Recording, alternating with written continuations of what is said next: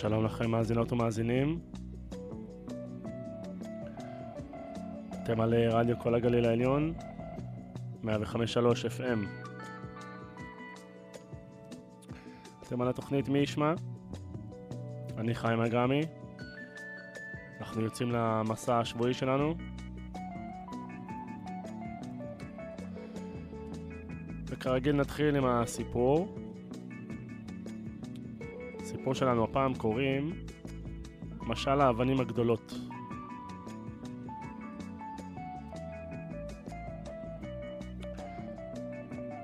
היו היה מרצה זקן שמלמד את תלמידיו תכנון זמן יעיל. במסגרת ההרצאה הוא עורך ניסוי לעיני אולם מלא סטודנטים, כשהוא ממלא מיכל זכוכית באבנים גדולות. משלא יכלה להיכנס אבן גדולה יותר למכל, פנה אל תלמידיו ושאל האם המכל מלא? כל התלמידים השיבו, כן, המכל מלא. המרצה מוכיח שהתשובה שגויה. כשהוא מכניס למכל אבני חצץ הממלאות את הרווחים. אבני החצץ הצטננו בין האבנים הגדולות עד שירדו לתחתית המכל. ואז שוב פנה המרצה לתלמידיו ושאל, האם המכל מלא? לשאלה זו השיב אחד התלמידים, כנראה שלא. נכון, ענה המרצה הזקן. כך חזר המרצה על פעולותיו והכניס חול ולאחר מכן מים כדי לחסום כל חלל ריק במכל. לשאלתו איזה אמת גדולה ניתן ללמוד מן הניסוי, אחד הסטודנטים עמד וענה אנו למדים שככל שהיומן שלנו נראה מלא וגדוש במטלות והתחייבויות, אם נתאמץ, תמיד נמצא עוד. לא, ענה המרצה הזקן. לא זה.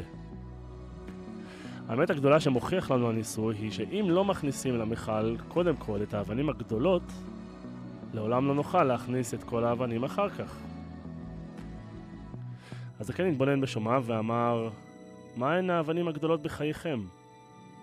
בריאותכם? המשפחה? החברים? מה שאתם אוהבים לעשות? להילחם למען מטרה נעלה? מה שחייבים לזכור הוא שקודם חשוב להכניס את האבנים הגדולות, שאם לא נעשה זאת, נפספס את החיים. אם ניתן עדיפות עליונה לדברים האחרים, חצץ וחול, יתמלאו החיים בדברים הקטנים ולא יישאר זמן לדברים החשובים באמת. וכך, אל תשכחו לשאול את עצמכם מהן האבנים הגדולות בחייכם. כשתמצאו אותן, תכניס אותן למכל החיים שלכם.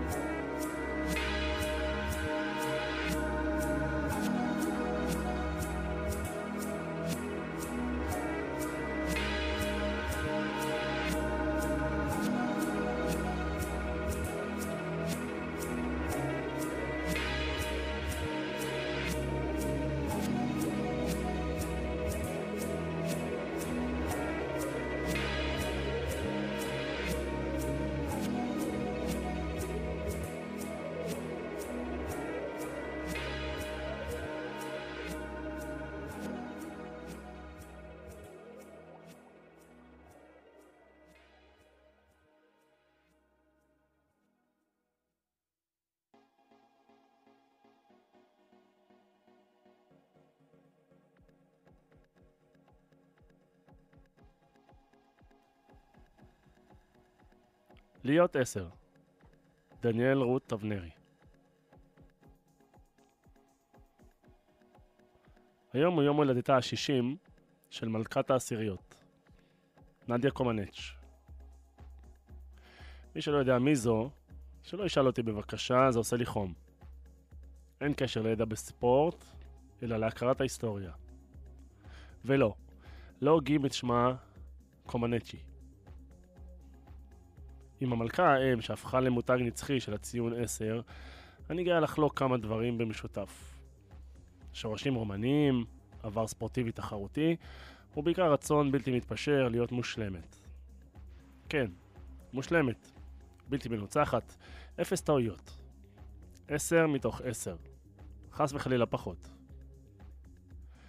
כשם שנדיה קומנץ' עמדה במתח מורת עצבים על המזרן במשחקים האולימפיים במונטריאול 1976 ובמוסקבה 1980, גם אני, כמו אמהות רבות בשנת 2021, מקבלת ציונים משופטי ומשופטות הרחוב הישראלי על התחרות האינסופית בשילוב שבין קריירה לאימהות. עניין מאוס? חבל שלא ספורט אולימפי. במאבק הפנימי שלי ושל אחיותיי לוורקוהוליזם, אולי שווה לחשוב על פתיחת ענף. מישהי חייבת לומר זאת, והנה אני מתנדבת לחטוף. אם יש דבר שאני שונאת כאימא, זה ללכת לגינות. שם, בעולמן הצבעוני והקסום של הבנות שלי, אני פוגשת את האימהות שחייבות, אבל חייבות, להרים לעצמן את הציון על חשבוני. זה מתחיל בדקירות כמו אז את אימא של אריאל ואפריל. חשבנו שיש להן רק אבא וסבתא. ואז מגיע סיבוב הסכין. עכשיו לפחות אנחנו יודעות איך את נראית. מאפיית האימהות הזו, אגב, מלווה תמיד בחיוכים צבועים ובאיזו מנהיגה מטורללת, בדרך כלל המובטלת מבחירה שבחבורה. בפעמים הבודדות שכבר הגעתי לגינה והסצנה המטומטמת הזו קרתה, חזרתי הביתה פצועה. למה הציונים שהן מחלקות לי נתפסים בעיניי כרשמיים לעזאזל? התשובה, בעניין הזה אני שופטת את עצמי הרבה יותר מהן. פזם הגינות לא מעיב מבחינתי כהוא זה על כמות האהבה או על איכות גידול הילדים. לחזק, לחבק, לטפל, את כל אלה אני עושה. ובכל זאת, הבילוי בגינה הזו יושב עליי. הוא מעניק לי, בעיני עצמי, פחות מעשר באימהות. בגלל סולם, הציונ... סולם הציונים החברתי. לא יכולה לחיות עם תשע בקריירה, לא יכולה לחיות איתו בהורות. הקרב העצמי הזה, של תמיד להיות עשר, בהחלט מניב הישגים. הצלחה היא תחושה עילאית. ממכר לשבור עוד תקרה ועוד תקרה, אבל המחיר של לאכול הכל בעוצמה ובביסים גדולים הוא לחטוף מדי פעם גם צרבת. זה מתחיל לפנות בוקר בין הרצון לעבוד ולייצר לבין הזמן היקר שלוקח לאכול בנחת. ממשיך בעוד פגישה עם פוטנציאל לפרסום הבא לבין הפסקה למנוחה, ומסתיים בשעות הקטנות. בדו-קרב בין הר הכביסה לבין נטפליקס. הראשון תמיד מנצח אצלי בנוקאוט. לרגל חגיגות יום הולדתה של קומנץ', הייתי שמחה לפגוש אותה על קפה ועוגה עם נרות, ולגלות אם, באמת, הצליחה לשחרר לפעמים את הצורך להיות עשר. כמי שהפכה לבעלים של ענקית הפקה בינלאומית לאירועי ספורט בשם עשר מושלם, נראה לי שאני כבר יודעת את תשובתה. את הקטע הזה כתבה דניאל רות אבנרי.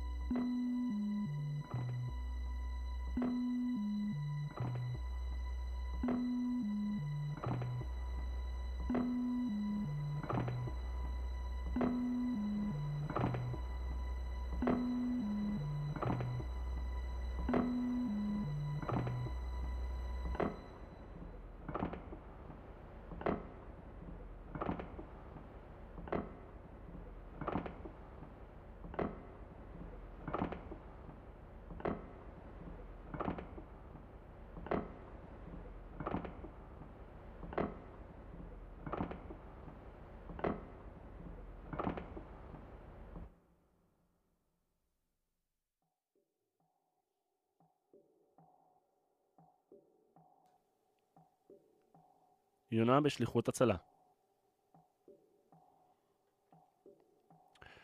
רב סרן צ'ארלס וויטלסי ידע שהמצב כלאחר ייאוש.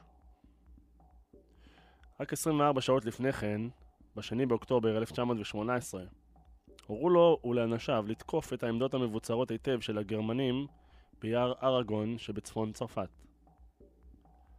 זה היה חלק מן המבצע הגדול ביותר שקיבל עליו כוח המשלוח האמריקני במלחמת העולם הראשונה. צ'ארלס וויטלסי שירת בדיוויזיה 77, חבורה רב-גונית שנודעה בשם מטרופוליטן, רמז לעובדה שאנשיה באו מן ה-Lower East Side, מרובי הלאומים של העיר ניו יורק. בינם לבינם דיברו חיילי הדיוויזיה ב-42 שפות. הרבגוניות הלשונית לא הסתירה את העובדה שרובם היו חיילים לא מנוסים, שהפליגו לצרפת אחרי אימונים קצרים אבל אינטנסיביים במחנה אפטון בניו יורק. אחדים מהם לא למדו אפילו איך להטיל רימון יד. מייג'ור ויטלסי פיקד על 554 חיילים שיצאו לתקוף את קו החזית הקדמי של הגרמנים.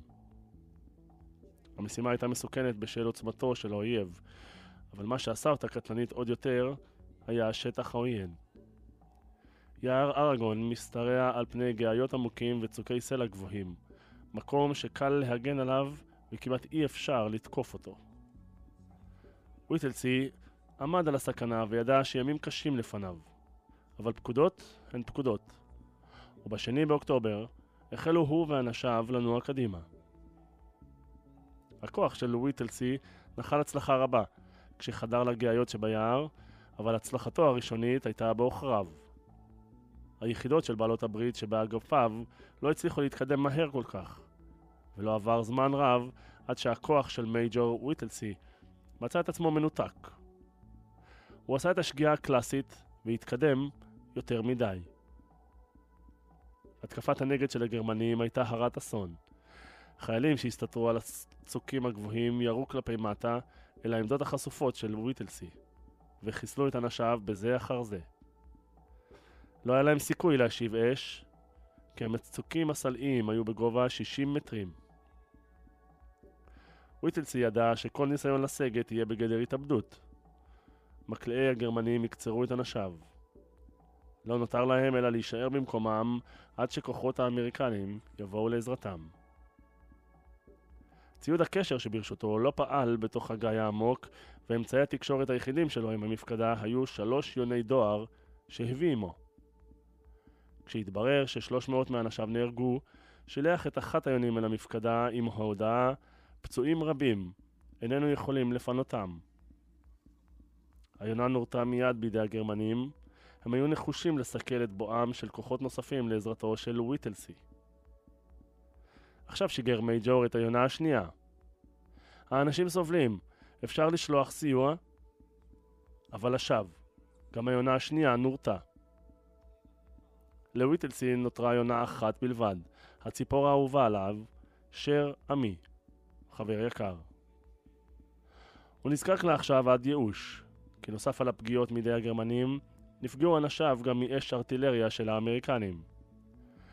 ויטלסי הניח פתק בתוך מכל קטן והידק את המכל אל רגלה של היונה. אנחנו על הדרך המקבילה ל-276.4. הארטילריה שלנו ממטירה אש ישר עלינו. ייצרו אותה למען השם. החיילים צפו בדאגה ביונה שהחלה לעוף מתוך הגיא. היא הייתה תקוות ההצלה היחידה שלהם. כשהגביה אשר עמי מעט מעל קו העצים, איתרו אותה רובעים גרמנים. הם כיוונו את כל הרובים אליה וירו בפראות כדי להפילה. שרמי המשיכה במעופה בתוך מטר הקליעים עד שאירע האסון. הציפור נפגעה ונראתה צונחת ארצה. עולמם של רב סרן ויטלסי ואנשיו חשך עליהם.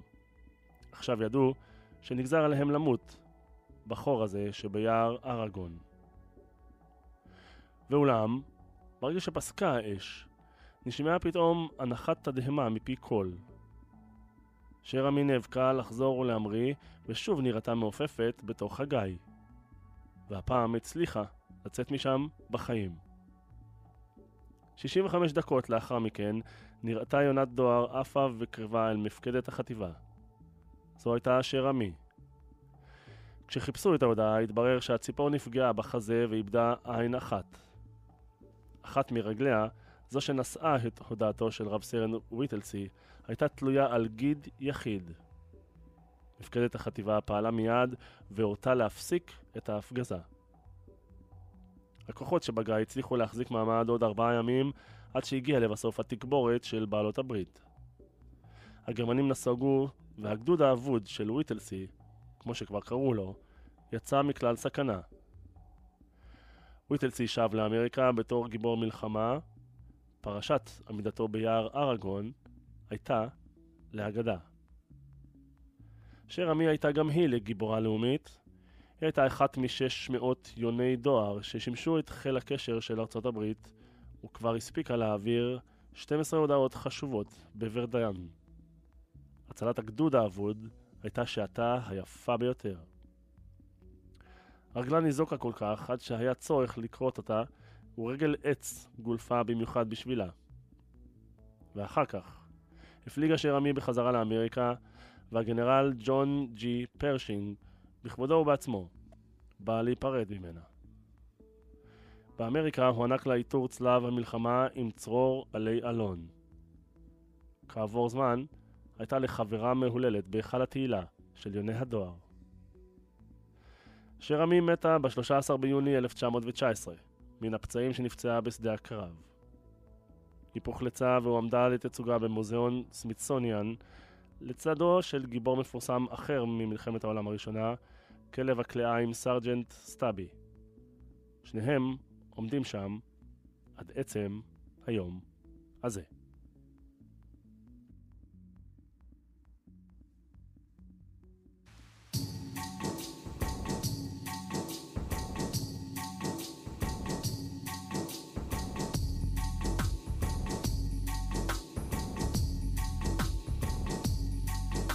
You sure you wanna be with me? I've nothing to give. But lines say this love is best.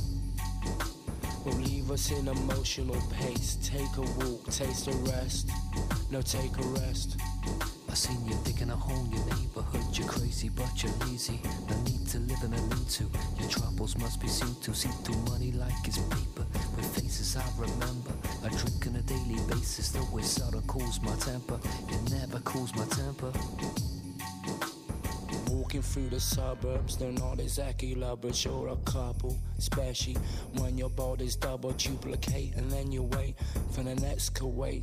Karma coma, Jamaica and Roma, karma coma, Jamaica and Roma, karma coma, Jamaica and Roma, karma coma, Jamaica and Roma.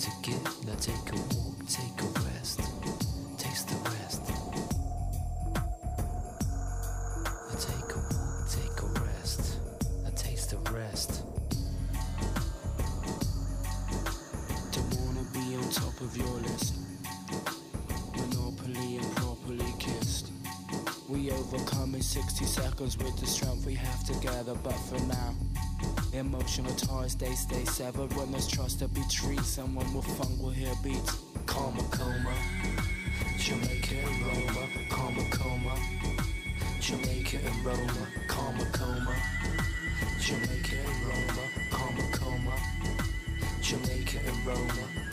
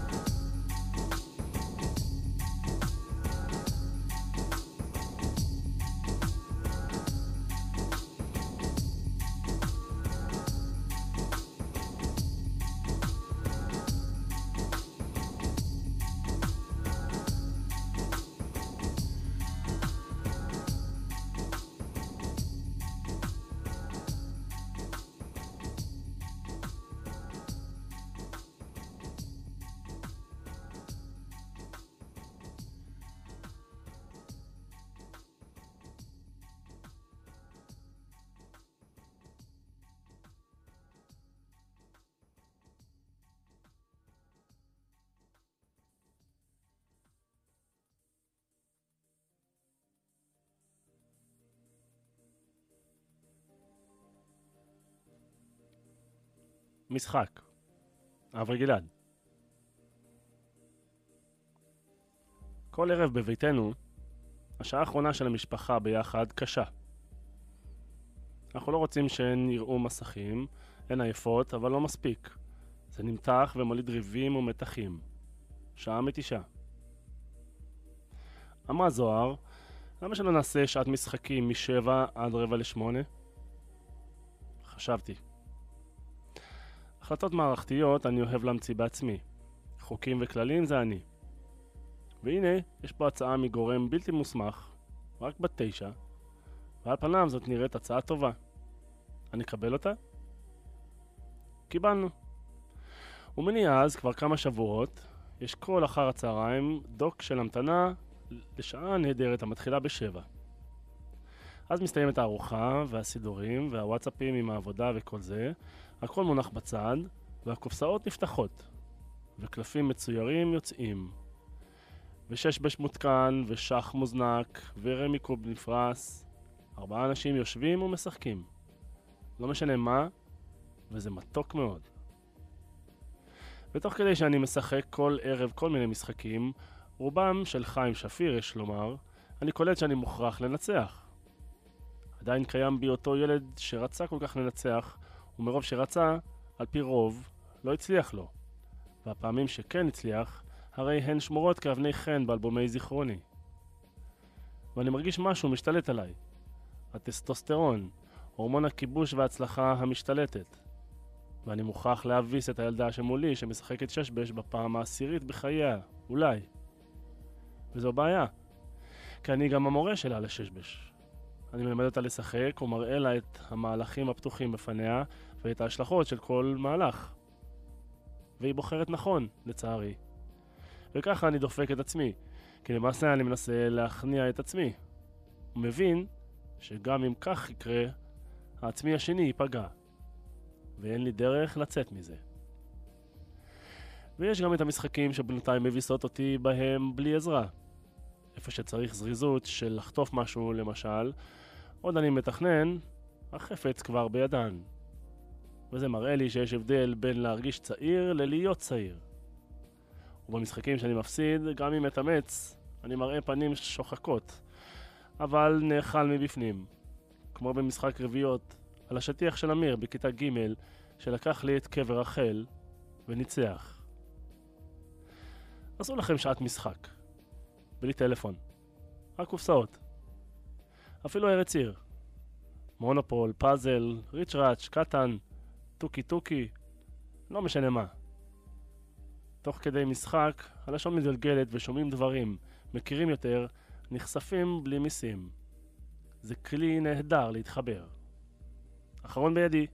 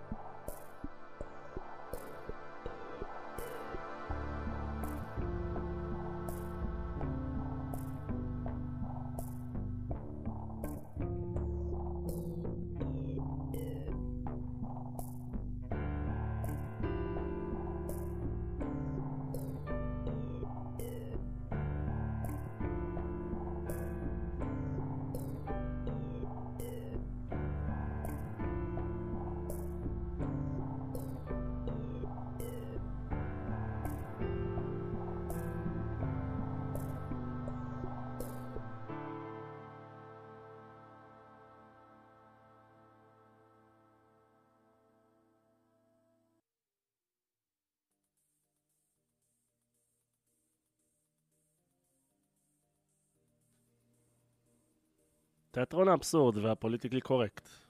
יובל ריבלין.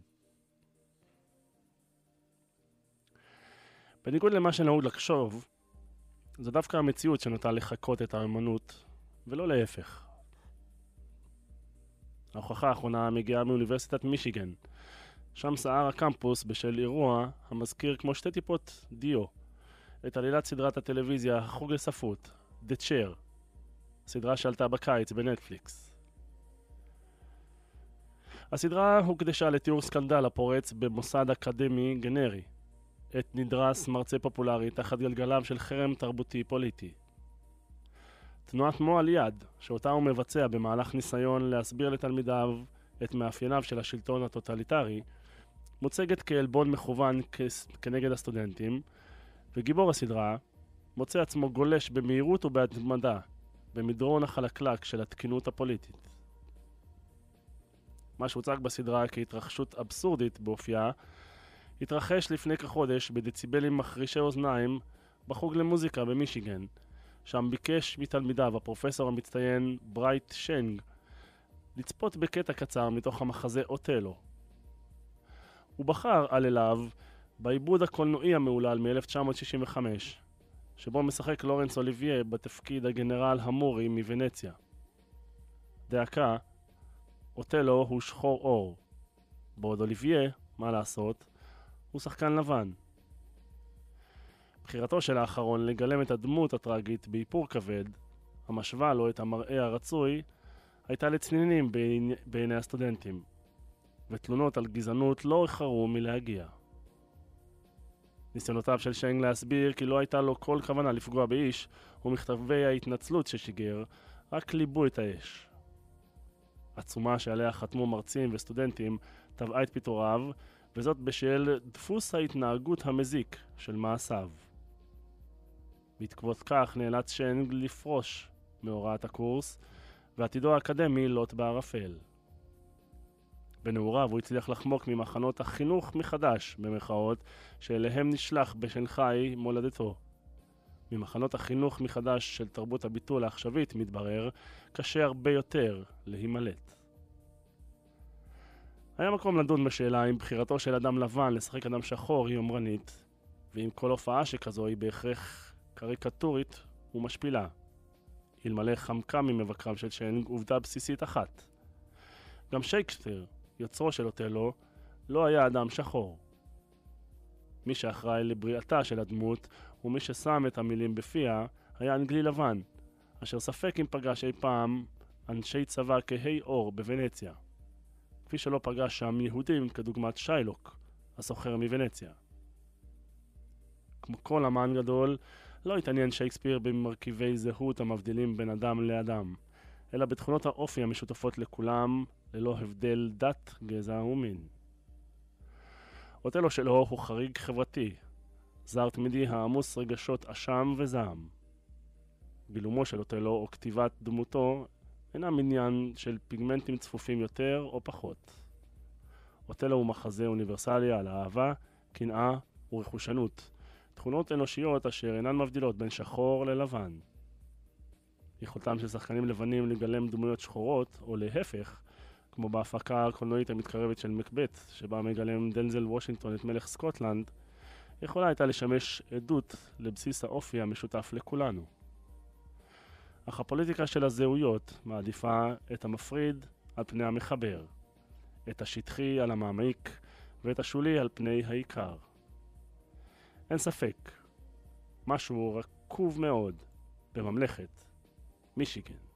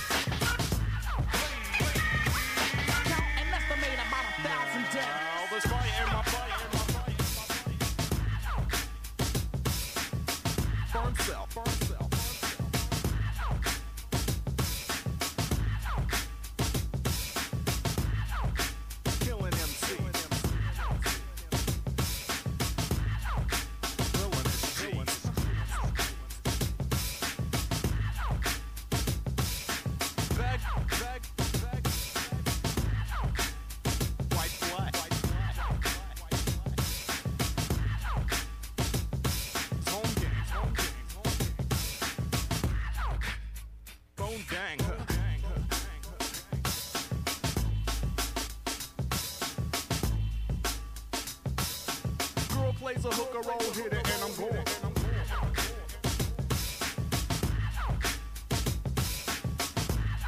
Add it up in your head, but uh, Count and estimate about a thousand dead. yeah.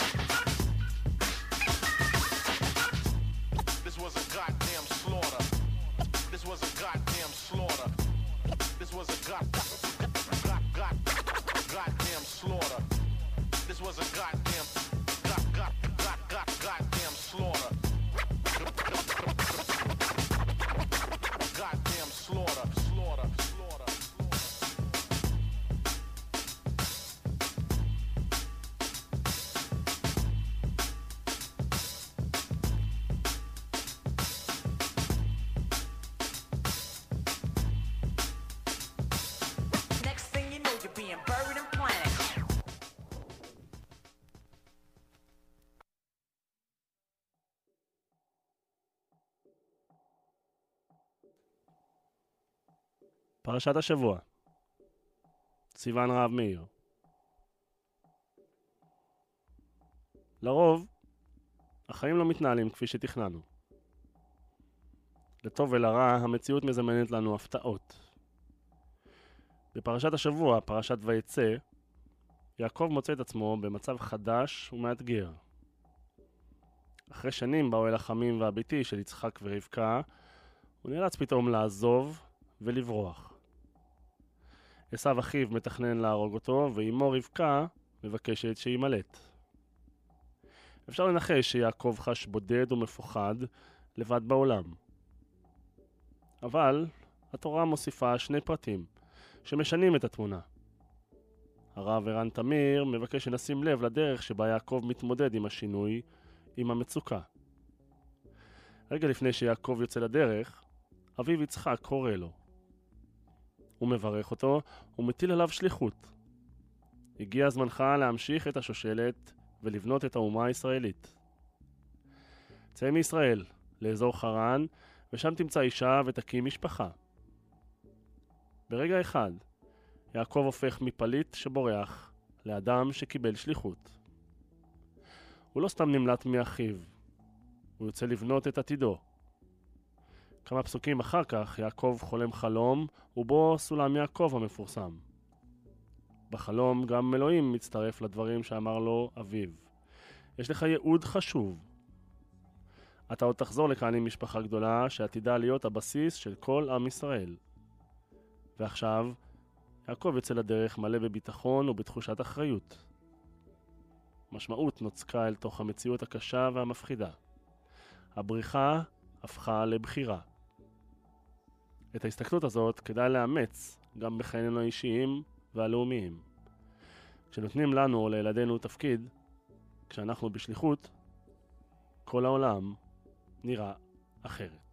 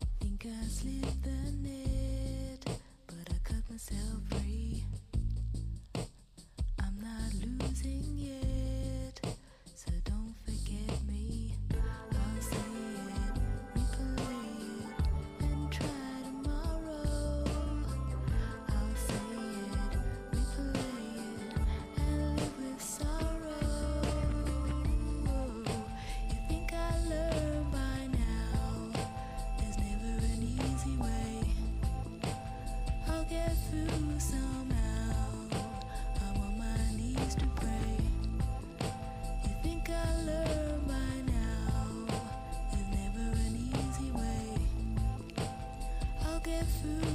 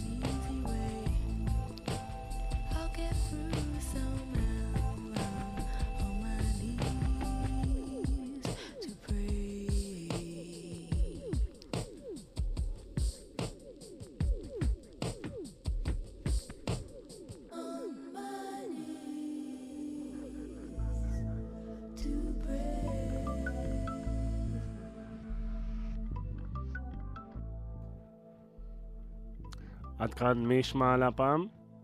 אתם הייתם על אה, רדיו כל הגליל העליון, 105.3 FM. אני חיים אגמי, מאחל לכם אה, שבת שלום. אנחנו נשתמע יום שישי הבא, בין 3 ל-4. שמרו על עצמכם. להתראות.